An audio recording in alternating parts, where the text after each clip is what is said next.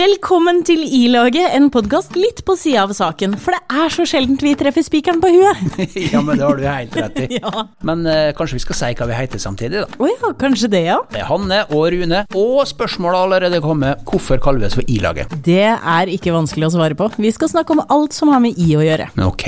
Ja, intergalaksen, altså alt mellom himmel og jord. Vi snakker internasjonale og nasjonale saker. Vi snakker i- og u-landsproblematikk. Vi snakker internt og eksternt. Ok, ja, jeg tror jeg begynner å skjønne det litt sånn som interkommunalt og Og Og eh, ja, det motsatte. Eh, ja, jeg veit ikke hva det er. Interkommunalt og eh, ytre strøk. Nei, faen. Nei, det hørte jeg var jeg var feil. Eh, Jeg skulle bare prøve å imponere litt. Du naila den. Ja, takk.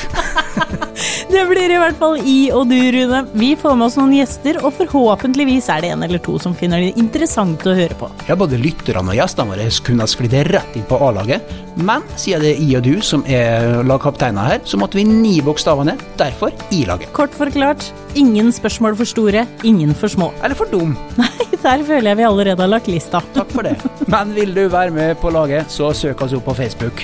I-laget. Og snart finner du oss i podkastlista di.